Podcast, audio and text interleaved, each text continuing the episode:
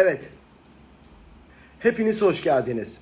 Bugünkü konuğum radyocu, televizyoncu, köşe yazarı, dergici, dergi patronu, arkadaşlarının tanımıyla kabilesi olan bir adam.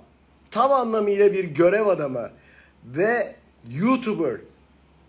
Sanıyorum yeter. Evet, eee Candaş Tolga'dan bahsettiğimi hepiniz anladınız. Şimdi Candaş Tolga'ya bağlanacağız. İstanbul trafiğine mi takıldınız Candaş Bey? Ya kimseyi kandırmayayım abi. Bizim iftar biraz geç bitti. Çok özür diliyorum herkes.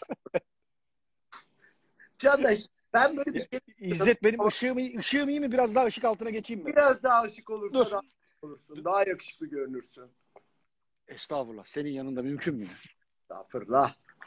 Karşı iltifatlarda o Celil Bey geldi. Celil Nalçakan geldi. O kardeşim benim. iyi Evet. böyle daha mı iyi? Süper. Ee, bir sorular hazırlamıştım ama aklıma birdenbire geldi. Telefon rehberinde kaç kişi kayıtlı? Çok. Yani çok kayıtlı. Zaten işimiz o ama be, İzzet bizim. Yani bunu şimdi insanlar anlamıyorlar. Benim ustam Rıfat Ababay'ın bana öğrettiği şey ne kadar çok insan tanırsan o kadar iyi gazetecisindi. Ben eğer eğer gazeteci olabildiysem yani bunu Rıfat abiye borçluyum ve onun bana öğrettiklerine ve o öğretilerin en başında söylediği şey insan eşittir haberdi. Dolayısıyla habere ulaşmak için insan tanımak, bir network oluşturmak lazım. Amerikalıların tabiriyle. Ee, o network'te ancak işte öyle oluşuyor. Bugün de benim adıma gazetecilikte bir farkım varsa, fark yaratabiliyorsam bunu o şeye borçluyum, o iletişim ağına borçluyum. Dolayısıyla benim bence gazeteci olarak numaram da bu. Diğer meslektaşlarımdan beni ayıran. Peki sorun sende mi? Yoksa sırça keşkünde oturup masa başı haber yapanlarda mı? Ya kimsede sorun falan yok abi. Herkes keyfine göre takılıyor. Ben bu benim gazetecilik tarzım böyle. Ben bunu seviyorum. Ya ben biliyorsun sen yani biz seninle çok eski arkadaşız. A- a- sana ben her zaman arkadaştan da öte çok bizim ailemizin bir parçası oldun sen. Po- Posta'da Rıfat Ababay'ın e, vesile olduğu bir dostluktan ötesin. E, oradan beni biliyorsun. Ben mesela başka işler de yapıyorum. Ben dergiler kurdum, radyomuz var. Efendime söyleyeyim Attım sen gelene kadar. Ha, başka işler de yapıyorum ama benim esasen sevdiğim şey gazetecilik abi. Ben bir haber atlattığımda, bir şey olup da gündem oluşturan bir röportaj yaptığımda falan onun bendeki mutluluğunu hiçbir şeyle tarif edemiyorum. Zaten yoksa manyak olmak lazım. Bu kadar git biyoloji oku, genetik çalış bilmem ne yap sonra gel gazeteci ol. Yani başka bir açıklaması yok ki bunun zaten. Peki e, o zaman ben hemen böyle fokurdayacak kısımdan başlayayım. Sonra geçmişe doğru yolculuk yaparız. E, kovuldun, kovulduğunu senin deyiminle bana göre yollar ayrıldı ama e, nasıl olduğunu yeni açtığın YouTube kanalından öğrendik. Evet. Çok kısa bir onu anlattıktan sonra sonra bir bomba patlattın. Kendi gazetemi kurarım dedin. Ne oluyor? Gazete geliyor mu? Deli misin? Böyle bir devirde hakikaten gazete çıkarılır mı? Nasıl bir şey olacak? Bize anlatır mısın? Ya bizim Rıfat abiyle çok uzun süredir hayalimizdi. Kendi gazetemizi kuralım, açalım diye. Ee, gazete geliyor ama tabii şu var. Yani ben gazeteyi bana kalsa ben Eylül ayında açarım. Hiç beklemem. Ama orada benim dışımda bir takım dengeler var. Kere küresel ekonomi pek iyiye gitmiyor. Dolayısıyla Türkiye'deki ekonomi de pek iyiye gidecek gibi gözükmüyor. Zaten döviz kurlarındaki dalgalanma, piyasadaki hal, hareket herkesin malumu. Böyle bir ortamda bu yıl bir yeni iş planlaması yapılmalı mı? Ee, bunu düşünüyoruz şu an tartışıyoruz. Ama bizim için daha önemli konuşma şu. Ee, gazetenin yeni düzende, yeni dünya düzeninde, koronadan bahsetmiyorum, nasıl bir gazete olması gerekliliği bugün batıdaki meslektaşlarımızın da cevap veremediği bir soru. Gazete kağıt olmak zorunda bizim için çünkü finansal modelleme açısından hala gazeteyi bir ticari kuruluş olarak yaşatan gazetenin kağıt hali. Yani bugün internet siteleri var evet ama Hürriyet Gazetesi'nin internet sitesi bugün acaba Ahmet Hakan'ın maaşını ödeyebiliyor mu tek başına diye sor. Mümkün değil. Ya da Ahmet'in adını öylesine söyledim yani kimse adı. Ee, dolayısıyla gazete önemli kağıt olarak e, var olabilmesi. E, iki, tesiri ve itibarı açısından da kağıtta olması bence önemli. E, bir kere kağıtta olacak o gazete. Ama öyle bir noktadayız ki artık dijital dünyanın karşısında durabilmek mümkün değil. Haber esasen haberin hızı, e, doğası ve e, tüketimi dijitalde oluyor. Ve oraya arkanı dönerek gazetecilik yapamazsın. Yani sen dünün haberleriyle bir gazete yapıp ertesi gün bir çıkardığında kimse okumuyor bunu. Şimdi bu ikisini kombine edecek. Hem dijitalde çok güçlü olacak ama kağıtta da var olacak bir model. Vallahi şu an bütün dünyada gazetecilerin en çok sor- cevabını aradığı sorulardan biridir herhalde. Ee, ben şanslıyım. Ben ustamla çalışıyorum. Rıfat Ababa ile yapıyoruz biz bu gazeteyi. Ee, Rıfat abi biliyordur herhalde diye düşünüyorum. Bende de bir takım cevaplar var. Bir araya getiriyoruz. Hiç kimsenin ismini bilmediği çok değerli meslektaşlarımız var bizimle çalışan. Ee, şimdi çalıştıkları yerler var onları söyleyemiyorum ama e, bir arada olduğumuz, olacağımız insanlar var. E, benim Kafa Dergisi'nde bir sürü e, meslektaşım var. E, birlikte çalıştığımız gazeteciler var çok değerli. E, dışarıda e, ya Türkiye'nin en kıymetli gazetecileri bugün gazetecilik yapmıyorlar, yapamıyorlar, yaptırılmıyorlar. Ve bu adamların ne bir terör bağlantısı var, ne bir, saçma sapan ülkelerine ait bir şeyle ihanetleri var, hiçbir şeyleri de yok. Sadece saçma sapan sebeplerden işsiz bırakılmışlar ki sebeplerini kimse bilmiyor. Ya mesela kimi söyleyeyim ben sana? Yani ya Nilay Örnek niye gazetecilik yapmıyor abi? Neyra Hanım bana anlatır mısın? Neyra Hanım Türkiye'nin en iyi ek, eklerini yapan insandır. Neyra Hanım niye gazetecilik yapmıyor abi? Ya bunların sebebi yok ve bunlar müthiş gazeteciler. Ya Timur Soykan. Eri burada bize birazcık anons ediyorsun galiba kafanda. Tabii. Ya ben benim herkes ben şimdi ben Nehir Hanım'la çalışmayı çok isterim. Nilay benim çok yakın arkadaşımdır. Ben bir gazete açarsam Nilay'sız yapmam, açmam o gazeteyi. E, İsmail Saymazsız açmam. Timur Soykansız açmam. Yani herkes biliyor. Bunlar bizim e, arkadaşlarımız beraber çalışacağımız e, onlar çalışmak ister. Onlar da isterler. Ama bu gazeteyi yapacaksak e, bunlar gibi daha çok insan var. Kimsenin ismini hani onlara sormadan söylemek istemem ama benim gönlümde birlikte çalışmak istediğim, çok saygı duyduğum yani bir sürü insan var. Abi Zeynep Miraç, Melis, Melis Alpan yani bunlar bunlar çok önemli isimler. Bunlar çok değerli gazeteciler. E, bunlar çalışan gazeteciler. Yani gerçekten Nevşin ondan sonra ya ben Nevşin'le hiç çalışmadım ama televizyon gazeteciliği alanında Türkiye'nin çok başarılı isimlerinden biridir. Nevşin niye ekranda yok abi? Yani dünyanın en sen vereceksin bize gazeteci. ee, yani ya bak daha basitini sorayım mı sana? Şimdi Cüneyt'i seven sever, sevmeyen sevmez. Onu bilmem. Gaz ama Cüneyt'in gazeteciliğini tartışabilir miyiz? Yani bugün Cüneyt Özdemir Türkiye'de niye ekranda yok? Ya da niye 5N1K ile haftada bir gün yalandan CNN Türkiye çıkıyor da ana haberi Cüneyt Özdemir sunmuyor? Abi biz hepimiz Mehmet Ali Birand'ın öğrencileriyiz. Ve Cüneyt, Mehmet Ali abinin bu işi en iyi devam ettiren öğrencilerinden bir tanesi. Siyaseten Cüneyt'in görüşlerine katılmak zorunda değilsiniz. Cüneyt'i eleştirebilirsiniz, aynı fikirde olmayabilirsiniz. Ama Cüneyt'in gazeteciliğini tartışabilir misiniz? Türkiye'de kaç tane Cüneyt Özdemir var da şu an Cüneyt Özdemir televizyonlarda yok? Yani benim söylediğim anlamda yok. Ben çok iyi anladım. Var da yani abi böyle bir saçma bir şey olmaz yani. Şimdi niye yok Cüneyt? Çünkü Cüneyt sizin istediğiniz her şeyi yaptıramadığınız bir gazeteci.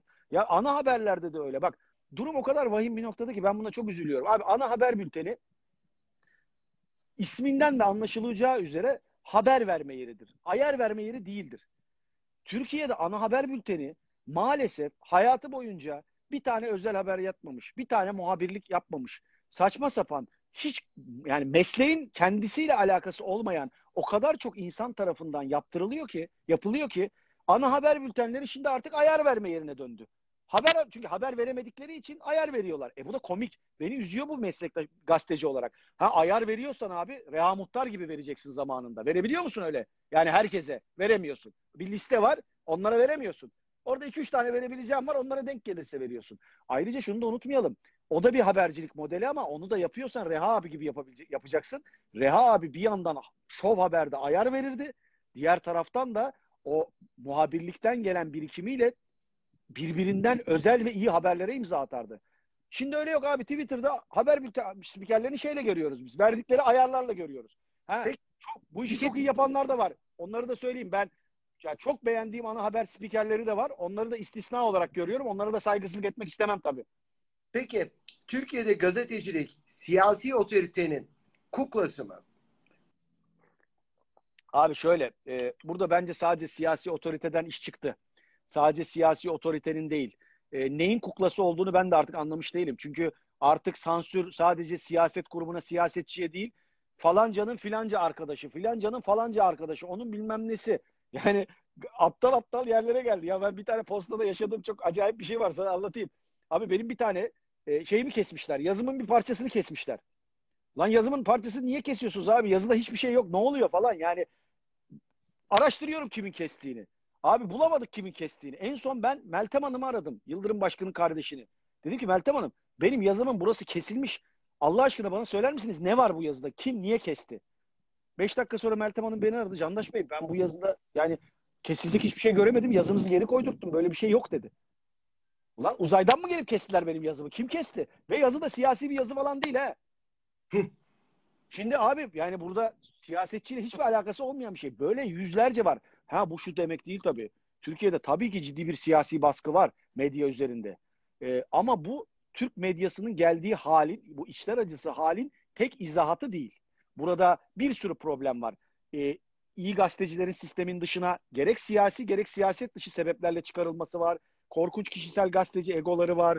Ee, ya var var var. Oku bak burada şeyin bile payı var. Okuyucunun beklentisinin bile payı var. Abi hala insanlar gazeteciyi şey zannediyor. Tartışmalı programlarına çıkıp şaklabanlık yapan adamları gazeteci zannediyorlar. Böyle Çok- bir gazetecilik modeli yok. Yani Onlar, Türk medyasının kendine özgü koşulları var mı dünya medyasından ayrı olarak? Var. Yani onlar ne? Haluk Şahin Hoca bunları çok güzel anlatıyor. Ha, mesela Haluk Şahin bugün niye çalışmıyor abi hiçbir gazetede, televizyonda? Ya Türkiye'de bir tane Haluk Şahin var. Profesör Doktor Haluk Şahin. İletişimin yani şeyidir. Hocaların hocasıdır. Benim çok değerli büyüğümdür. Haluk Hoca niye Bozcaada'da yaşıyor da İstanbul'da medya bu kadar can çekişirken bir kişi Haluk Hoca'ya hocam gel bir el at şuraya demiyor. Çünkü Haluk Hoca sizin istediğiniz gibi istediğiniz her şeyi yaptıracağınız bir adam değil. Doğru bildiğini söyleyen bir adam. Haluk Hoca medyanın yeni düzenini Türkiye'nin özel şartları zamanında anlattı. Ne o mesela? Köşe yazarlığı. Ya dünyanın hiçbir yerinde böyle bir köşe yazarlığı modeli yok. Ben yaparken de söylüyordum. Haftada 6 gün köşe yazmak diye bir şey yok abi. Siyaset yazayım, ertesi gün futbol yazayım, sonra ekonomi yazayım, ondan sonra dış politika yazayım. Ulan bu kadar çok şey bilsen zaten şatoda yaşarsın. Ben böyle bir soru hazırladım. Çok güzel yargı dağıtmayı biliyorlar köşe yazarları. Ekonomiyi biliyorlar, dış politikayı biliyorlar. Efendime söyleyeyim uluslararası politikadan dört dörtlük anlıyorlar. Yeri geldiğinde magazin yapabiliyorlar. Yani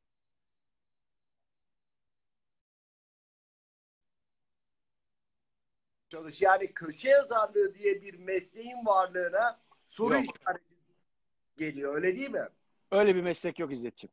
Kimse kimseyi kandırmasın. O işte tam senin söylediğin Türkiye medyasının şartlarına özel bir durum. Böyle bir meslek yok. Ha, ama bu bir şey ya okuyucu talep ediyor. Köşe yazarlar olarak ben de yaptım, yapıyorum, yaparım.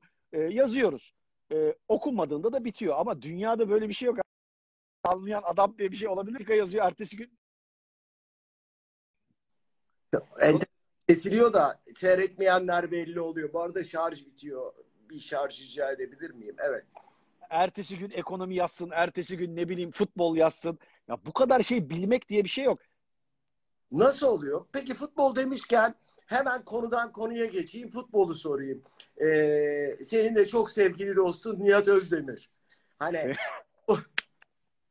ee, ne diyor? Dost, dostum mu? Şimdi o kadar garip bir ikilem var ki ee, Yıldırım Demirören'le sen iyi bir dostsun. Öyle değil mi? Evet, Başkanlıkta Yıl- çalıştın. Yıldırım Başkan bizim kulüpten büyüğümüzdür. Yani benim başkanımdır Beşiktaş kulübünden. Ee, oradan da tanırım. Evet doğru söylüyorsun. Yani bence öyleyiz. Peki ne oldu? Mesela girmedi mi araya Yıldırım Demirören? Bence Nihat Özdemir daha iyi dostu. Yani anladığım benim son tahlilde çıkardığım sonuç o. Ya gerçekten bunlarla uğraşıyorlar mı yani? Ee, Uğraşıyorlar uğraşıyorlar. Ben de inanmadım biliyor musun? Bana birkaç tane isim söylediler. Seni bunlar kovdurttu diye. Bu isimlerin hepsi ki çok önemli isimler. Yani e, kamuda görev yapanlar da var aralarında. Bizzat kendileri arayarak ya da mesaj göndererek bu durumun saçmalığını e, ifade ettiler bana. Dediler ki yani e, hatta bir tanesi dedi ki biz Posta Gazetesi kapatılıyor zannettik dedi. Yani bir gazete bu kadar çok okunan bir yazarından niye ayrılır diye. E, yani bizzat bana söylediği şey bu. E, dedim ki yani ben şuna çok saygı duyarım. Ben gazetenin yayın politikasına uymayabilirim. E, patronajla anlaşamayabilirim ve yollar ayrılır. Problem değil ama ülkenin futbol federasyonu başkanı ile ilgili haberler yaptım, yazılar yazdım, onun canını sıktım diye işten kovulmak biraz enteresan oldu tabii. benim de Twitter'ımı kapatmasın. Ben de habire bir şeyler yazıyorum Nihat Özdemir için. Peki Sanmıyorum yani. mi? Sen e, yöneticilik de yaptın. Beşiktaş'ın efsane yöneticilerinden birisin. Estağfurullah. Yok canım değilim. Ayrıldın bir günde mesela. Fikret Abi bana bana tezgah kurdular. Şöyle kurdular. Ben iletişimin başındaydım. Evet. Bir sabah bir uyandım. Twitter'da, Twitter'da, Instagram'da saçma sapan hesaplardan aptal aptal şeyler yazılmaya başlanmış. Ve ortada ne benimle ilgili bir gündem var, ne Beşiktaş'la ilgili var, ne maç var. Yani bunu yapan kimse ben yani bir tahminlerim var ama yani odur diyebileceğim biri şu an olmadığı için söyleyemiyorum ama tahminlerim var.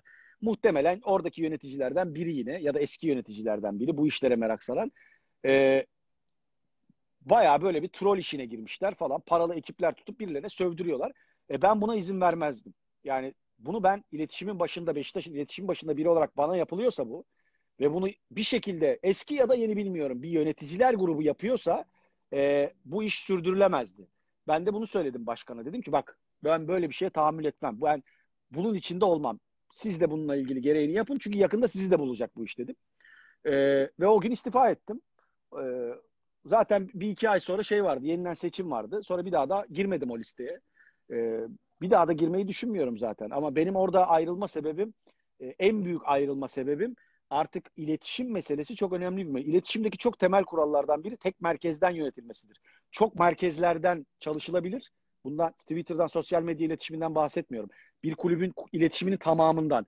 Ama e, bir kulüpte bütün yöneticiler ya da bütün muhalif ya da yönetimdeki yöneticiler kendi başına iletişim yönetmeye kalkarsa e, orada kriz olur, kaos olur.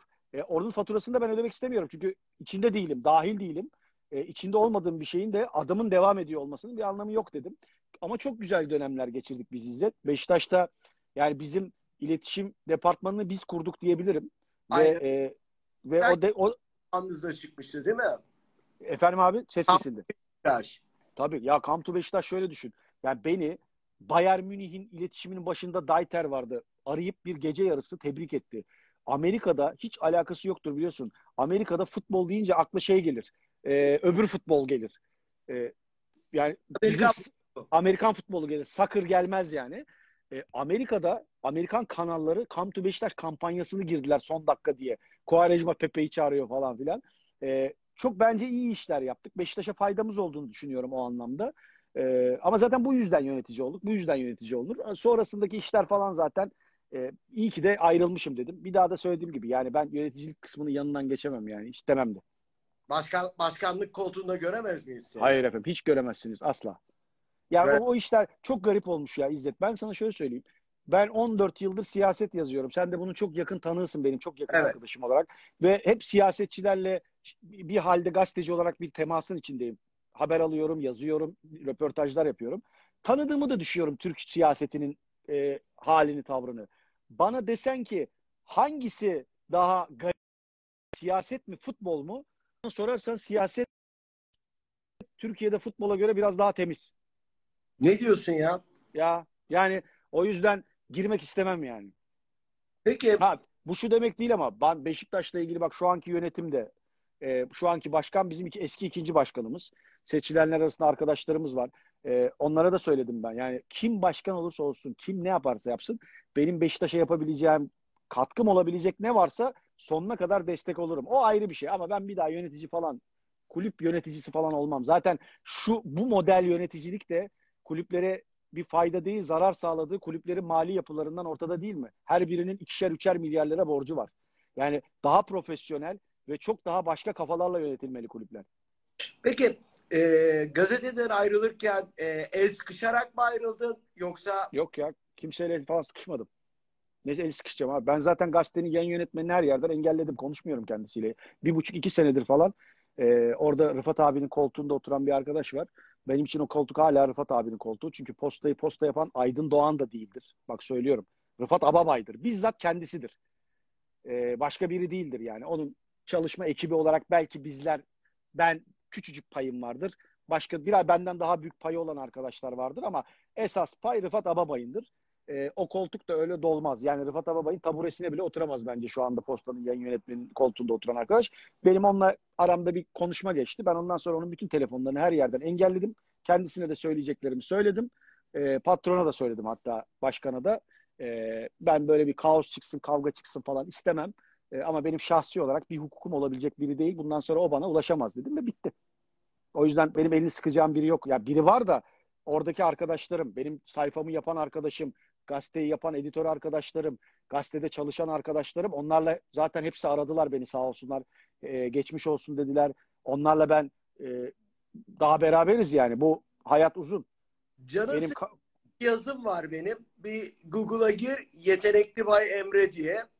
Senin Ha, görmedim. yani lütfen iki sene önce falan yazmıştım. Onunla ilgili notlarımı eee, gerçekten güzel bir yazıdır. Sen de hemen anlayacaksın. Ya ben şöyle bakıyorum İzzet'ciğim ya. Benim üzerine konuşmama değecek biri değil. Ben istemem yani. Benim hakkında konuşabileceğim biri değil. O yüzden gerek yok. Benim bir hukukum yok. Ben her taraftan benim hayatımda engelli e, şey yapmam. Üstüne yani kendime ayıplarım konuşursam. Doğru. Eee Rıfat Ababay'dan bahsetmişken senin kırılma noktalarından bir tanesi de Fatih Altaylı. Aa, çok severim ben Fatih abi. Evet. Ne oldu? Nasıl oldu? Radyoculuğa geçti. Fa- Fatih abi. Ya çok komik hikaye. Bak bunu herkes bilmez ha. Ben radyo abi yurt dışından geldim. Ee, bir ilaç firmasına girdim. Hafta sonum boş. Tamam mı? Çok özür diliyorum. Kesiyorum. Eee, neden yurt dışında Kanada'da olduğunu bir anlatırsan. Ben biyoloji okudum abi. Onun üstüne genetik mühendisliğine merak sardım. Çalışıyorum ama git bir yandan da yabancı dil öğreniyorum. Onun için Kanada'dayım. Ondan sonra bitti orada geldim buraya Türkiye'ye. Ee, fakat o dönem bir kriz patladı. Yine 2000 krizi mi 2001 krizi mi ne? Acayip bir şey oldu. Gidemez hale geldik. Burslar kesildi zaten. Döviz böyle 2-3 katına arttı falan. Ee, Türkiye'de bir ilaç firmasında çalışmaya başladım. Bir onkoloji bölümünde. Hafta sonum boş abi. Ben de sıkıntılı insanım. Tanıyorsun sen beni yani. Hafta sonu ne yapayım ne edeyim? Ya Kanada radyo programı yapıyordum ben hafta sonları böyle. Üstüne şarkıların konuşuyordum. Dedim ki burada da yapayım. Bir yerel radyoda başladım. Fakat beni çok kesmedi. Böyle mektuplar yazmaya başladım radyoların yayın yönetmenlerine. Bir sürüsüne. Ya ben fena değilim bence bir beni deneyin falan diye. Abi Fatih abi bak bir sürü adama yazdım. Bir tek Fatih abi. Ya Fatih abi işte bu yüzden acayip Fatih abi. Fatih Altaylı. Ee, Fatih abinin asistanı vardı Zeynep Hanım yanılmıyorsam. Ya- Yan, ismini yanlış söylesem çok özür dilerim. Hep Gülay var yanında. Gülay. Olabilir. Güle, Gülay Hanım olabilir. Özür diliyorum ismini yanlış hatırladım. Beni aradı. Dedi ki Candaş Bey bir mektup yollamışsınız Fatih Bey konuşacak. Hadi ya dedim. Fatih abinin de o zaman yani e, ilk efsane artık böyle zirvede Fatih Altaylı falan o zamanlar. Şaka yapıyor. Alo dedi. Ben Fatih Altaylı Candaş dedi. Bana mektup yazmışsın dedi. Okudum. Yani şaka mı yapıyorsunuz dedi. Oğlum dedi benim dedi zamanım yok. Dalga mı geçiyorsun? Seni aramışız dedi. Gevezelik etme dedi. Şu Perşembe saat 12'de gel. Tamam hemen gelirim dedim. Gittim ve benim bütün radyoya başlangıcım Fatih abi sayesindedir. Yani Hür FM'de o zaman başladım. Sonra zaten kovdu beni. O başka bir formattı çünkü. Yani ben oraya uygun biri değildim ama e, o şekilde bulaştı. Ondan sonra İlhan Uzundurkan aracılığıyla Radyo Time'a geçtim. E, Güçlü Mete ile ta- tanıştım Best FM'de.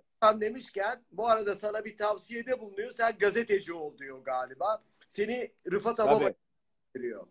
Tabii radyoda devam ederken biz diyor ki e, Rıfat abiyi tanıyor. Bu radyoda yaptığım röportajlar bu arada bayağı iş yapıyor benim. Haber oluyorum falan.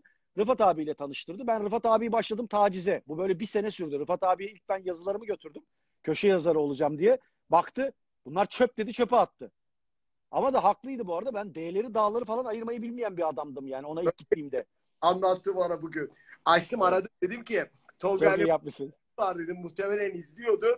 Dedi ki okudum dedi ortaokul kompozisyonu gibi bilmiyorsun değerleri dağları bilmiyorsun dedim dedi. Doğru. Doğru söylüyor ama. Ya ben onunla beraber çok şey öğrendim. E, hatta mesleğe dair bildiğim her şeyi Rıfat abiden öğrendim. Rıfat abiden, Mehmet Ali Birant'tan, Rauf abiden, onların hepsinden. Yani e, emekleri çok büyük. Erdoğan abiden gazetecilik anlamında. E, öyle başladı. Bir sene sonra ben Rıfat abi tacizlerim sonuç verdi ve postada ilk röportajım yayınlandı. Ama işte o da sorun oldu. Çünkü ben ilaç firmasında çalışıyorum. İlaç firmasının genel müdürü Sağlık Bakanı röportaj yap şey randevu almaya çalışıyor. Ben ilaç firmasının ürün müdürüyüm. Sağlık Bakanı'nda tam sayfa röportajım yayınlandı. o ve o benim sonum oldu şeyde ilaç firmasında. Sonra başladık. Ama ben çok çalıştım. Yani Rıfat abi de bilir. Yani çok istedim başarılı olmayı. Değil mi? Bu işin bir mühendisliği var değil mi? Abi onu Rıfat abi söyleyebilir. Bence fena değilim. Ama yani e, bunu usta takdir eder. Ben bilemem. Ben geçen sene şey vardı bizim Kafa Dergisi'nin 5. yaş günü partisi yaptık biz. Bütün dostlarımız geldi. Ben Rıfat abiyi de özellikle çağırdım. Onun önünde kutlansın istedim. Çünkü kafa bir şeyi başardı. Ben kafayı ilk açtığımda sen bana dedin ya biraz önce abi gazete mi kaldı ne gazetesi açıyorsun diye. Evet. Kağıt mı? Ben kafayı 5 sene önce açarken bana dediler ki ne gaz dergisi? Kağıtta dergi mi kaldı? Dijitalde yap. Şimdi bugün Kafa Dergisi Türkiye'deki birçok gazeteden çok satıyor. Öyle düşün. Ve düşün, Yani ya bakıyorum Paris Vogue bile iki ayda bire döndü artık baskıda. Tabii. Siz aylık sır- sıralamanızı hiçbir zaman için bozmuyorsunuz. Satışların muazzam karşına rakip diye çıkanlar, belki rakip değil, tarz olarak çıkanların hepsi devrilmeye başladılar birkaç tanesi hariç. Biz çünkü başka bir şey yapıyoruz bence İzzet. Ben ama yani dedim ya ustadan öğrendiğim bir şey o benim. Yani biz Burhan Altıntop kapağı yapıyoruz.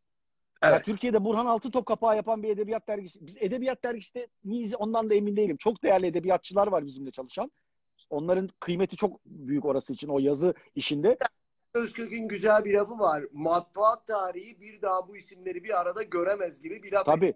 Ben aynı fikirdeyim. Yani bak o insanların her birinin e, bir duruşu var ve o insanları bir araya getirmek zor iş. Benim bir başarım varsa bundan gurur duyarım. Yani onların bir arada olmasına vesile olabildiysem bu bana sadece gurur verir. E, işte yani oranın yapılma şekli de bizim dergi biraz farklı bir dergi. Bizim dergi böyle çok böyle küçük küçük harfler bulamazsın. Bu- Bulabildiğin en renkli görselleri kullanırız. E, bizim dergi pozitif bir dergidir, olumlu bir dergidir. E bunların hepsini bana ustam öğretti. Yani Rıfat abiden öğrendim. Peki Ama- reklam anlayışını da değiştirdin sen değil mi gazete yani kafada? Tabii. Ee, bir ben bir programda izlemiştim yanılmıyorsam yanılıyorsam düzelt. Ee, gofret reklamı almıyorum ama gofreti anlatıyorum hikaye olarak. E yapıyoruz. Şimdi abi orada öyle komik bir şey ki. Ulan bugün bayağı düşman ediniyoruz yalnız. E, anlatalım. Şimdi Türkiye'de dergiler o kadar kötü yapılıyor ki. E, çoğunluğu, hepsi değil. Çok iyi dergiler var. E, dergilerin tirajları çok yerlerde. Biz başladığımızda böyleydi. Yani iyi satan dergi 5000 sattığında iyi sattı diyorlar. Ya kafa şu an 60 bin satıyor öyle düşün. Yani sana onu öyle anlatayım. E, bizim ilk çıkan yani çocuk dergisi çıkardık biz 6 ay önce. Kafa Evet. Çocuk ve Bilim. Çıktığı ay 25 bin sattı. Yani Türkiye'de 5 bin dergi okuyucu aldığında diyorlar ki çok iyi, çok iyi. Ya iyi olur mu? Çok kötü. Şimdi onun dönüşü olarak da reklam piyasasında dergilere verilen reklamlar küçücük paralar ve o paralarla dergi çıkarabilmek mümkün değil. Orada çalışan bir personelin maaşını verebilmek mümkün değil. Yani bin lira, iki bin lira, üç bin lira bir tam sayfa öyle düşün. Yani e, e şimdi bunu nasıl değiştireceksin? Başka bir şey yapman lazım. Ben de dedim ki ben bu fiyatlara reklam almayı kabul etmiyorum. Biz şöyle yapacağız dedim. Bana boşu boşuna gazoz ilanı, gofret ilanı, sabun ilanı, işte ne bileyim şişe ilanı falan göndermeyin. Ben sizin ürünlerinize, sizin işinize yarayacak hikayeler yazayım. E, fikirler bulayım. Ama başka bir şey konuşalım. Ve bu çok tuttu, çok beğenildi. Biz bir sürü ödül aldık. Yani her sene bir sürü reklam ödülü alıyor Kafa Dergisi. E, ama Evet. biz şunu yapmıyoruz. Ne bileyim, e, Cahide Bay İzzet Çapa bize gönderemezsin ilan. Biz koymayız. Biz Cahide'den bir insan hikayesi yazarız. Ve e, Cahide'yi insanların hayatında bir yere dokundururuz. Bizim yapacağımız reklam sana böyle olur. Ama bunun da tabii fiyatı da değişiyor. Dergiye katkısı da artıyor. Peki e, Twitter'da da çok ilginç söylemlerim var. Diyorsun ki biraz önce konuştum E, ve inanılmayacak isimlere ulaşıyorsun. E, Süleyman Soylu ile konuşuyorsun. Aynı anda Sağlık Bakanı ile konuşabiliyorsun. Fakat Kemal Kılıçdaroğlu'yla da konuşup Ekrem İmamoğlu'yla da son derece aran. Bunu nasıl ku- e, koruyabiliyorsun bu dengeyi? Abi bunu uzun süre bu soru çok bence Türk yani bizim medyada biliyorsun. Türk medyasının en sevdiği şey gazeteci dedikodusu. Doğru düzgün haber yapamadıkları için, doğru düzgün gazetecilik yapamadıkları için meslektaşlarımızın bir bölümünün çok sevdiği bir şey var. İftira, hakaret, dedikodu. Bunlara bayılıyorlar yani. Ulan halbuki gazeteci yani benim mesela Ertuğrul abi en çok eleştirdiğim şeydir. Ertuğrul abi bir sitcom gazeteciliği modeli getirdi Türkiye'ye. Ertuğrul abi benim çok sevdiğim bir gazetecidir ve çok beğenirim. Ama onu eleştiririm bu sitcom gazeteciliği meselesini. E, sesim geliyor mu bu arada? Geliyor çok net Ha, geliyor. tamam.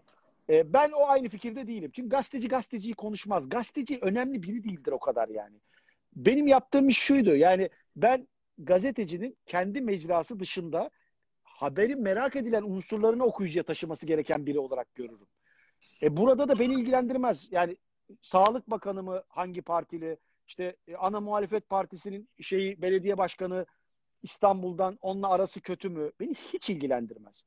Bu başıma çok bela açtı fakat benim. Gazetecilik bütün 14 sene boyunca yani her şeye dahil ettiler beni. Her şeyin içerisine soktular. İşte onunla çok yakın, bununla çok yakın. Ya ben geçenlerde bir yerde anlattım. Yeditepe Üniversitesi'nde e, herifin biri Wikipedia'ya şey yazmış benim için. İsrail'de eğitim gördü falan yazmış. Ulan ben Abi İsrail'de hayatım... için Kudüs'e gittin değil mi? Abi benim ha- ö- alakam yok arkadaşım benim yani ne alakası? Fakat bu kalmış. Ve manyağın biri bir bu, yani kuyuya atıyor bu taşı çıkarmak sana düşüyor. Böyle izahatlara çalıştılar. İşte CIA mi bunu destekliyor? İşte ne bileyim MIT'in adamı mı? İşte bilmem kimin. Ya kimsenin adamı değilim. Ulan olsam böyle olur muyum yani? Ne alakası var? Fakat benim gazetecilik anlayışım bu. Twitter'a bir sene oldu gireli ben. Bir senedir baktım yani ben orada neyi seviyorum? Benim sevdiğim şey haber yapmak. Oradaki ihtiyaç da bu, eksiklik de bu. Herkes çok yorum seviyor. Düşünencilerin düşüncesi. Herkesin çok fikri var. Fakat kimsenin haberi yok gerçekten. Uydurmalar üstüne konuşuluyor. E benim de farkım bu. Haber kaynağına ulaşabiliyorum. Herkese ulaşırım ben. Yani ben şimdi Kemal Bey'e de ulaşırım Kılıçdaroğlu'na. Arayıp ama hani özel bir şey istemem. Ararım. Adalet Bakanı'na da ulaşırım. Yani gazeteci olarak ulaşırım ve onlar da bilirler. Ben yalan yanlış bir şey yazmam. Bir ahlaksızlık yapmam. Belki o güven benim için en büyük güç. Peki kafanın televizyonu gelir mi? Radyosu Abi, var. YouTube'u var. Radyosunu Nihat Sırdar'la Güçlü Mete ile birlikte yaptık. Bizim beklediğimizden çok daha iyi gidiyor. Yani ben radyo konusunda emin değildim. Fakat Türkiye'nin en iyi radyocusu hiç tartışmasız bir numara Nihat Sırdar ve benim kardeşim gibidir Nihat. Güçlü abi de öyle. O bir işe giriyorsa ben hiç gözüm kapalı girerim. Senin gibi öyle düşün yani. Çok özel Evet. bir soru soracağım. Bunu e, izleyenler anlamayacaklar ama bir gemidesin. Üç arkadaşım var yanında ve denize düştüler. Biri Göge, Gökhan Dağıstanlı, biri Başar Başaran, biri Celil Nalçakar. Hangisini kurtarırsın mecbur olsa? Abi sana bir söyleyeyim mi? Ben şimdi öyle bir şey mümkün değil üçünü de kurtarmak. Ben de atlarım denize. Bak Celil'e sor. Bu soruyu Celil verdi. Tolga'nın cevabı bu olacak dedim. Dedi mi? Evet ne güzel. Ne Ben mutlu bana. Ben dedim. O demedi. O, Ha, Süper. o merak ediyor. Ama bir şey söyleyeyim sana. Vallahi atlarım. Ben o gemide Gökhan'sız, Başar'sız ne yapacağım abi? Celil'siz ne yapacağım yani? Ben de atlarım yani. Sıkılırım ne yapacağım ben orada? Ama işte Başar benim liseden sınıf arkadaşım. Gökhan'sa yani benim en eski ve en iyi arkadaşım. Celil de bizim Beşiktaş aracılığıyla tanıdığımız sonra dergide birlikte olduğumuz o en yakın en sevdiğimiz arkadaşlarımız listesinin en tepesi. Ee, çok şanslıyız. Böyle insanlarla denk gelebilmek hayatta bence büyük servet. Peki bir korona sorusu sorayım. Hangi normaller eskisi gibi normal olmayacak sana göre? Hiçbir şey olmayacak abi. Kusura bakmasınlar. O iş bitti. Yani şöyle bitti. Ya ben sana bir şey soracağım İzzet. Sen çok zeki bir adamsındır. Ben sana desem ki ben şimdi şeyim. e, Türkiye Cumhuriyeti İçişleri Bakanıyım. Sana dedim ki İzzet ya da Sağlık Bakanıyım. İzzetciğim bu iş bitti. 1 Haziran itibariyle artık Alaçatı'da istediğin gibi dolaşabilirsin. Gidip dolaşır mısın? Ben dolaşmam. Kim dolaşır abi? Gerizekalı olması lazım insanların. Yani ha dolaşan çıkmaz mı? Çıkar. Bu ülkede geçen hafta 17 bin kişiye hafta sonu sokağa çıkma yasağı şey cezası kesildi. Önceki hafta 27 bin kişiye kesildi. Yani düşünebiliyor musun? Atıyorlar kendi sokağa. Adamın hiç umurunda değil yasak masak. Yasağı bırak sağlığı da umurunda değil. Fakat bu ülkedeki aklı başında insanlara ne bakanı ya da hükümeti olursa olsun normalleştik her şey bitti deyince kimse düzelmez. Ne zaman düzelir? Bu işin aşısı çıkar o zaman. Çünkü normalleşme dediğin şey bir psikolojik altyapı, bir bilimsel e, gereklilik, gerçeklilikle olur ancak. Hadi normalleşelim. Yok öyle bir normalleşme. O yüzden ben e, iki, şimdi dedin ya gazete meselesinde. Şimdi gazeteyi ben normalde bu yılın sonbaharına çıkarırım. Ama e, benim planlarım, hesaplarım bu yıl içerisinde, bu yıl yeni bir işe başlamak için hiç uygun bir yıl değil. Özellikle gazete gibi bir ölçekte bir iş için. E, Türkiye çapında da baktığın zaman Türkiye'nin ekonomik gerçekleri, dünyadaki ekonomide olup biten hadiseler e, çok net görünüyor ki 2020 bitti. Bitti. Bence Ya- bitti. Tutalım zaten. Kışı eğer Ekim Kasım'dan sonrasını kurtarırsak çok iyi olur. Orada da bir tuhaflık yok mu sence ya? Yani insanlar diyor ki hadi abi işte yazı böyle şey yaparız. İşte Kasım gibi falan başlarız. Ya Türkiye'de mesela şimdi yine Nihat Özdemir şey yapacak. Adam sürekli benim dilime geliyor. Nihat Özdemir çıkıyor diyor ki Futbol Federasyonu Başkanı işte sanki bu sezon bitip de yeni sezon başladığında işte Eylül'de, Ekim'de ne zamansa herhalde aşıyı falan buldu yani. Federasyona gitmediği zamanlarda evde aşı araştırması yapıyor herhalde. Lan bunun aşısını bulan biri var da biz bilmiyoruz. Futbol Federasyonu biliyor. O aşı bulunmadan Ekim, Kasım aylarında hiçbir şey değişmez, düzelmez, mümkün değil. Ancak o aşı bulunur, inşallah bulunur. O zaman hiçbir sorun yok tabii. O zaman normal konuşulur. Ama aşı bulmadan Ekim'de, Kasım'da bulaşın yükselmesine sebep olacak havalar soğuduğunda e, eskiye dönmemek için hiçbir sebep görmüyorum ben. Eğer eskiye dönebilmemiz için aşı bulunursa okey ama Tabii. Dünya Sağlık Örgütü de şöyle bir açıklamada bulundu. Bilmiyorum haberin var mı? Mutasyona uğruyor sürekli olarak mikrop. Onun için bir aşıyla bu işi kurtaramayız dedi. E, evet yani valla orada şimdi ben sürekli konuşuyorum Ateş hocalarla. E, Ateş hocalar yani bilim kurulu tarafı diyor ki o mutasyonun nasıl mutasyon olacağını ancak klinik çalışmalarla görebiliriz. Olumlu anlamda mutasyon da olabilir. Yani virüsün etkisini azaltacağı, bulaşını azaltacağı bir mutasyon süreci de olabilir. İnşallah öyle olur. Öyle olursa ne hala. Senin bir tweetinde klimalar üstüneydi. Evet, alışveriş merkezleri büyük sıkıntı. şeylerden biri ve insanlar bugün kapılarda dün de kapılarda kuyruk oldular. Ne diyorsun buna? Yani kaba tabiriyle bir dangalaklık var mı oraya gidenlerde? Ya şimdi çalışmak için gidenlerde tabii yok. Adamların ekmek parası. Ekmek parası kazananlara. Yani o tabii gidecek. Ama alışveriş merkezlerine saldırıp yani lan bu nasıl bir şey ben anlamadım ki bu alışveriş merkezi oksijen odası gibi yani bu kadar bir alışveriş merkezi manyaklığı da bir anormal geliyor bana. Eğer bu gerçekten çalışanlar değilse e, orada en büyük sıkıntı bu havalandırma meselesi. Bunu bana bu, bu sektörün duayenlerinden biri söyledi. E, oradaki havalandırma yüzde altmış dışarıdaki hava, yüzde altmış içerideki hava, yüzde kırk temiz hava sirküle edilerek yapılıyormuş. Dediler ki mümkün değil. Çok büyük e, paralar harcamaları lazım. Yüzde yüz temiz havanın dışarıdan alınıp havalandırılması için. Sistemi değiştirmeleri lazım. Bunu yapamazlar. Şu an yapamazlar. E bu yapılmadan da şu anki salgın ortamında büyük risk bu. Hele bak sana yazmadığım bir şey söyleyeyim. Söyledikleri o ki e, alışveriş merkezlerinin o alan ortak kullanım alanları dışındaki mağaza alanları var ya mağazaların evet. olduğu mağazalara verilen havanın tamamı içeride sirküle edilen hava diyorlar mesela. E buyur. Yok hadi bakalım. Peki o zaman bizi büyük bir buhran bekliyor mu sence ekonomik olarak? Yani ben biz derken tüm dünyayı kastediyorum. E bugün bu ayki Times, Time'ın kapağını gördün mü? Ne diyor?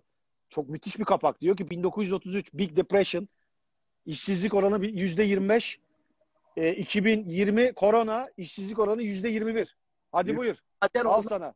Yaptılar. Bugün e, Temmuz'a kadar yüzde 25 bekliyorlar. Tabii. E şimdi büyük buhrandaki işsizlik oranına geldi Amerika. E bütün dünyayı etkileyecek. Evet. Ya mesela yani... ben adıma restoran sektörünün bittiğine inanıyorum. Üzgünüm. Çok zor günler bekliyor sizi. Benim çok senin gibi çok kıymetli dostlarım var. Ee, çok zor günler bekliyor. Allah yardımcınız olsun. Hadi o işlerin sahipleri biraz dayanır falan ama İstanbul'da geçen de öğrendim. 700 bin komi, garson ve vale çalışıyormuş. Bu Doğru. insanlar sen de biliyorsun sabah işe geliyorlar. Akşam yevmiyelerini alıp eve götürüyorlar. Taze iki aydır, tabii. iki aydır çalışmıyor bu insanlar. E şimdi yazın bu üç ayda onlar için çok kolay geçmeyecek. Allah yardımcıları olsun. En çok desteklenmesi gereken insanlar grup bunlar. Ya diyorum ya normalleşmeye buralardan başlamak lazım. Biz şimdi futboldan başlıyoruz. Bizdeki absürtlük bu. Ya, evet. Peki radyo dedim de demin podcast radyonun yerini alacak mı sence? Çok zor. Ya bu tartışma şeyde vardı. Yıllar önce radyolar bitti. Herkes müzik dinliyor. Müzik kutusu radyolar. İşte konuşan radyocular bitti diye. Abi öyle olmadığını Kafa Radyo'da gördük. Artık müziği telefonundan, Spotify'dan, YouTube'dan, Fizi'den istediğin yerden dinlersin. Ama Nihat Sırdar'ı, İlber Ortaylı'yı, Güçlü Mete'yi, Suna Yakın'ı bu adamları ancak bir radyoda dinleyebilirsin. Kafa radyo. Ya da tabii o da bir radyo. Ha Spotify şey neydi podcast kısmı? E tabii ki podcast zamanı ruhuna daha uygun bir şey. Ama podcast için de o podcast'i sunacak adam lazım. Yani e, bir bir tane bir Nilay örnek lazım ki gitsin o nasıl olunur yapsın podcast'te. Çok başarılı Nilay'ın ki. Ferhat çok, dinledim mi? Çok iyi. Dinledim. Çok hoca çok iyi yani. Ee, bir geçmişe döneceğim ama çok hoşuma giden bir Michael Douglas röportajım var senin. Ha, ay röportaj değil o kabus ya. Sen trofede karşılaştığımızı diyorsun. Evet. Evet. Adamla bayağı karşılaştık yani. Röportaj falan gibi sayılmaz. Yani konuştuk, sohbet ettik. Ben gazeteye yazdım hatırlıyorum. Yalnız yazdım bilmiyorum. Ya, Rıfat ya. abi anlat. Ya otururken abi bir anda yan tarafta Michael Douglas vardı yani. Ben de yine bir şey için gitmiştim oraya. Sohbet ettik falan, ahbap olduk falan. Bayağı Michael Douglas'la tanış olduk. Yok, Orada gittim yazdım. Tanıştığınızı da anlat da bilsinler. Tuvalet... Ya, be... ya vallahi ben hikayeyi tam hatırlamıyorum. Ben Adam tuvalete gidiyor. Sen peşinden tuvalete kalk. tanışmak için gidiyorum. Tabii. Arkasından gittim, konuştum. Yani ben bana bunlar tabii çok sıradan şeyler geliyor. Çünkü gazeteciliği ben böyle öğrendim. Ee, ya bu o kadar çok hikaye var ki böyle. Şimdi düşünüyorum. Geçen bir hikaye anlattım. Yine böyle şeyle ilgili, bir bakanla ilgili. Ya benim bütün insanlarla tanışma hikayeleri. Bak Rıfat abi de böyledir mesela. Ben kafaya gazeteci olmayı takmıştım. Ve Rıfat abiyi bir sene boyunca sana anlattı mı bilmiyorum. Anlattım. Adamı hayatı burnundan getirdim. Yani sürekli arıyorum. En son bana dedi ki evladım yeter ya düş yakamdan dedi. Git dedi ne haber yapıyorsan yap dedi. Tamam düş yakamdan dedi. Ve ben gazeteye ilk öyle başladım. Aslında ben sana anlatayım. Sen biliyor musun bilmiyorum. Mehmet Coşkun Denizli'ye gitmiş demiş ki bizim telefonumuzu da vermiş. Rıfat abi Tabii tabii. bundan yakası silkiyoruz. Tabii. Mahvettim onları ya. Coşkun Deniz'i, Elif'i. Yani Evet. onların yakasından düşmedim. Ondan sonra tabii Rıfat abi bir gün artık dayanamadı. Dedi ki bir gel bakalım sen ne yapıyorsun görelim. Ama işte o inat abi. Orada da kafam şeye takıldı. Ya Michael Douglas'la yan yana oturuyorum. Benim bu herifle tanışmam, röportaj yapmam, bir şey yapmam lazım. Bir gazetecilik. Peşinden gittim yani adamın. Yaşar Kemal'le de röportajım var senin. Evet. O da şeyde Fransız Büyükelçiliğinde tanesi. e, çok müthiş bir şeydi o. Fransız Büyükelçiliğinde bir davete gittik. E, ben o dönem işte TV8'de televizyon programı yapıyorum falan. Bak çok da güzel bir anısı vardır benim için. E, orada oturduk, konuştuk, sohbet ettik, röportaj yaptık falan. Sonra kalkıp giderken dedim ki ben, ya ben dedim gazetede çalışıyorum postada ama aynı zamanda televizyon programı da yapıyorum. Acaba benim televizyon programıma çıkar mısınız dedim. Konuk olur musunuz? Ben televizyona çıkmıyorum dedi. Niye dedim? Televizyona çıkanlara bak anlarsın dedi. Müthiş. Allah rahmet etsin. Peki eee, biyoloji ve genetik üstüne bir eğitimin var senin. Doğru mu? Evet. Ve çok insan bilmiyor. Seni İyi bilmesinler yani. biliyoruz. Çocukken astronot olmak istediğini biliyoruz. Sonra Evet. olmak istediğini biliyoruz. Ardından doktorluğa karar veriyorsun. Hayaller Paris derken Biyolog oluyorum. biyolog oluyorsun ve O da olamayıp gazeteci oluyor. gazeteci oluyorsun. Evet. Berbat bir hayat benimki ya. Ee, sorular gelmiş. Diyorlar ki sorar mısın Beşiktaş'ın kalecisi kim olacak? Ben Utku devam etsin çok istiyorum ama e, kararı tabii şey verir. Bu şimdiki yönetim verir. Sergen Hoca verir. Ben Utku'yu çok beğeniyorum. Şu anki kaleci, yedek kalecimizi. Utku'yu biz Beylerbeyi'nden aldık. Beylerbeyi'nde aldığımızda Utku'ya penaltıdan dahi gol atılamıyordu. Semih kaleci- oldu galiba değil mi o? Evet aynen. Semih Yuvakura'nın oğlu. Pırıl pırıl bir çocuktur. Çok da düzgün bir çocuktur. Ersin de çok iyi kaleci. Utku ile birlikte bizim e, şimdi yedek kaleciler. Yedek dediğim şimdi artık, artık onlar oldu. Öbür şey gitti sahtekar. E, maalesef yani kalecilik şöyle bir şey. E, sürekli oynaması gereken pozisyon. Kalecinin iyisi yedek beklemez abi. Sürekli oynayacak. Hata yapacak. Gol yiyecek ama oynayacak. Oynadıkça daha büyük kaleci oluyorlar. E, Utku tabii o fırsatı kaçırdı. İşte o giden herif vardı. Tolga abisi vardı. E, Utku'ya sıra biraz zor geldi. Ama ben Sergen Hoca güvenirse ya bu sezon artık ben Haziran'da liglerin açılacağını zannetmiyorum ama açılırsa Utku içinde, Ersin içinde ben bu sezonun e, Beşiktaş'ın kalesine geçmek için büyük fırsat olacağını düşünüyorum. Bence kaleci onlar olmalı. Peki ee, Burak mı Gomez mi? Bana böyle bir şey sorma. Ben bunu yani hakaret kabul ederim. Ben, Ya ben İsmini 20 sor kere ya. falan 20 kere falan Burak. Yani bir kere değil. 20 kere falan Burak yani. Birini geri getirme şansın olsaydı. Bak soruları ben hakikaten futboldan anlamadığım için kimi geri getirirdin diyorlar. Talisca mı Gomez mi? Ay ben Talisca'yı hiç sevmezdim. Burada açık açık söyleyeyim ya. Ya Talisca acayip paracı bir herifti. Yani hiç tanımadığı için bu Twitter'cıların gazıyla atıp tutuyorlar. Ya ben çok iyi tanı, tanı- tanıyordum Talisca'nın. Bütün iletişimini de ben yaptım. Ee, ya benim Beşiktaş'ta sevdiğim bir oyuncu karakteri değil o. Şimdi kendi o çocuklarımıza söylediğimizin yarısını söylemiyoruz maalesef. Ee, fakat e, ben Talisca'yı istemem. Yani Talisca çok büyük bir oyuncu, çok büyük bir yetenek olabilir ama karakter olarak benim kendi şahsiyetim, kendi fikrimden bahsediyorum bu arada. Ee, ben Talisca'yı istemem. Kimi isterim? Ee, ya ben Sergen'i çok isterim abi. Sergen Yalçın tekrar dönsün futbol oynasın. Bak hala, hala diyorum. Şimdi Sergen'e bunu söylerler ama benim çok yakın da arkadaşımdır kendisi. Benim de çok Ee, çok Sergen şu an sahaya çıksın. Bak sana şöyle söyleyeyim. Beşiktaş'ın en iyi oyuncularından biri olur yani. Vallahi doğru. Hala büyük yetenek abi. Hala büyük yetenek. Çok başarılı. Yani aldığı sonuçlar bunu gösteriyor öyle değil mi? Abi tabii. Sergen çok iyi olacak. Ben kendimi parçaladım ya. Bu Abdullah Avcı getirilirken kendimi parçaladım. Fikret Orman Başkan şahittir. Ne olur yapmayın başkan. Sergen'i getirin diye. E, ama o zaman ben yönetimde değildim. Ayrılmıştım. Onlar Abdullah Avcı lehinde bir karar verdiler. E, keşke Sergen'i getirselerdi. Sergen Hoca'yı. Çok daha başka bir sezon olurdu bu. Ama sonunda oldu. Doğru bir şekilde bulundu. Ben daha da başarılı olacağına inanıyorum. Sen postada baş yazardın. Ben Rıfat öyle biliyorum. başladın? Ha, nasıl? Valla ben, ben öyle biliyordum yani. Beni Rıfat abi yaptı. Rıfat abiden sonra bu arada o konu hiç açılmadı. Yani o yeni gelenlerle falan konuyu herkes yarım alsa da ya neyin baş yazarı olsan ne olmasan ne olacak abi. Gazetenin yayın yönetmeni gittikten sonra senin sıfatının ne olduğunu ne önemi var? Doğru söylüyorsun. Ee, iyi para aldın mı? Sorabilir miyim? Yo davalıyız şimdi. Öyle mi? Tabii davalıyız. Tamam. Yani para falan almadım. Ee, orada artık mahkemeye gittik. Benim orada 14 yıllık bir emeğim var ve biliyorsun ben gazeteye sadece röportaj yapmadım. Pardon yazı yazma. Ben haftanın 6 günü köşe yazısı yazıyordum. Onun dışında e, ayda en az bir dönem böyle ayda en az 6-7 tane manşeti ben yapıyordum. Özel haber. Artı onun dışında röportajlar yapıyordum her pazar tam sayfa. Haftanın 3-4 günü gazeteye muhakkak 4-5 günü gazeteye gidiyordum. Ee, orada bir takım işler var. Yani mahkemelik davalık olduk. Davalık. Keşke olmasaydık ama yani olduk. Olacağız gibi gözüküyor. Aslında olduk zaten. Olacağız gibi değil. Başkanınla davalıksın yani. Bize Ya bilmiyorum. Onunla mı olduk bilmiyorum ama netice itibariyle o bir kurum. Yani o kurum Aydın Doğan'dan başlayan bir kurum. Eğer öyle bakarsan Aydın Doğan'la da davalık olmam lazım. Çünkü davalık olma şartlarımı bana ilk hazırlayan o. Peki. Ee, senin aslında ilk kovulman değil. CNN'den de kendini kovdurdun sen bildiğin. Abi bunları sana kim anlattı ya? Evet doğru. Kovdurdum. Allah rahmet etsin. Mehmet Ali Birat. Ama e, mesela Cem Garipoğlu haberini e, ilk Evet. duymuştun. Buna Tabii. rağmen e, kısa bir sü- süre sonra 3 gün falan mı kaldın? 3. Üç. Neden ayrıldın? Abi niye ayrıldım biliyor musun ya? Çok güzel şeyler bunları bak. Mehmet Ali abi bir yaz kafayı taktı. Dedi ki seni dedi şey yapacağız dedi. Ee, CNN'de sabah programına başlayacaksın dedi. E ben de sabahları uyanamıyorum yani. Dedim abi yapma kurban olayım. Olmaz dedi yapacaksın dedi. Peki dedim başladım abi. Uyanamıyorum. Rıdvan abiyle Yavuz var bizim. Rıdvan Akar'la Yavuz Oğan CNN'in başında. Ya benim sakallar uzuyor. Rıdvan abi bana iyice gıcık oldu. Çünkü Rıdvan abi çok dikkat eder böyle kıyafete falan temizliğe bilmem neye. Abi dedim ki kurban olayım. İkisi de benim çok yakınım o zaman. Beni kovalım dedim. Yani nasıl kovacaksak kovalım beni bir kovalım. Kovduramıyorum kendimi.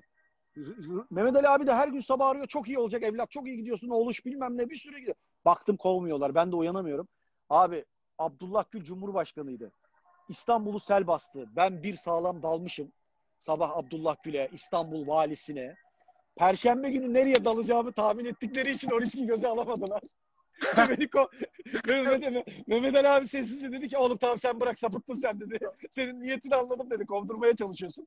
Ve beni yani kovmaya kovma, kovmadılar.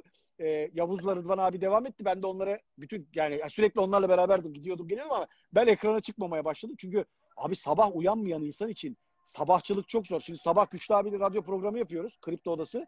Ben haftada bir gün iki gün zar zor gidiyorum. Ya gittiğimde falan artık mizah konusu oldum ben radyoda dinleyicilere falan.